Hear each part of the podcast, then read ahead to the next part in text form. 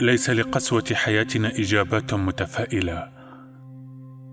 مهما حدثك الفلاسفة ورجال الدين وعلماء النفس. محور الكلام هو دائما أن الحياة لها أجندتها الخاصة وأنها تقفز فوقك ولا تبالي بك. يوما ما سننتهي كلنا بطريقة سيئة جدا.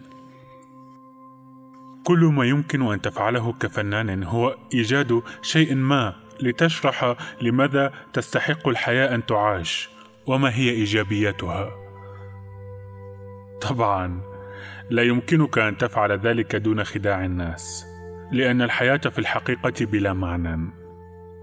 فنحن نعيش حياة بلا معنى في كون عشوائي.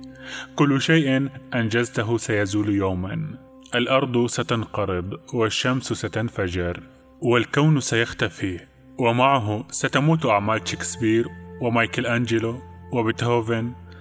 من الصعب جدا إقناع الناس أنه ثمة جدوى من كل ما يعيشونه. استنتاجي أن الشيء الوحيد الذي يمكن الاعتماد عليه هو الترفيه وتشتيت العقل. فأنت عندما تشاهد مباراة البيسبول أو فيلما لفريد آستر تفعل شيئا يشتتك وينسيك الواقع. ما ينجح في تشتيتي هو أن أفكر وأتساءل يا إلهي هل بإمكاني أن أجعل إيما وباركر تمثلان هذا المشهد؟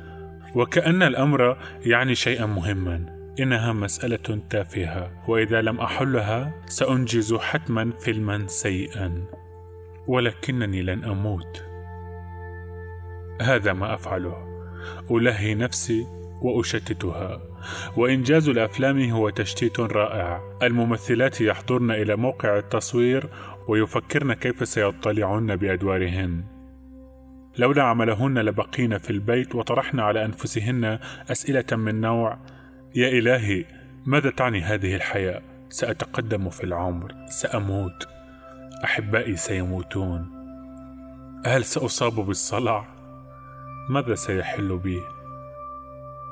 لذلك الشيء الوحيد الذي من الممكن أن تفعله هو أن تشتت نفسك لتحظى بلحظات لا تواجه فيها الواقع. كل المفكرين الكبار من فرويد إلى نيتشه ويوجين أونيل اتفقوا على أن الكثير من الأشياء في واقعنا لا يمكن تحملها. إنه لشيء مرعب أن تفكر كيف ستهرب من الواقع. لذلك أذهب إلى السينما لمشاهدة فريد آستر يرقص طوال ساعة ونصف الساعة فأكف عن التفكير في الموت وفي جسدي الهش وفي أنني سأصبح عجوزا ذات يوم في المستقبل البعيد.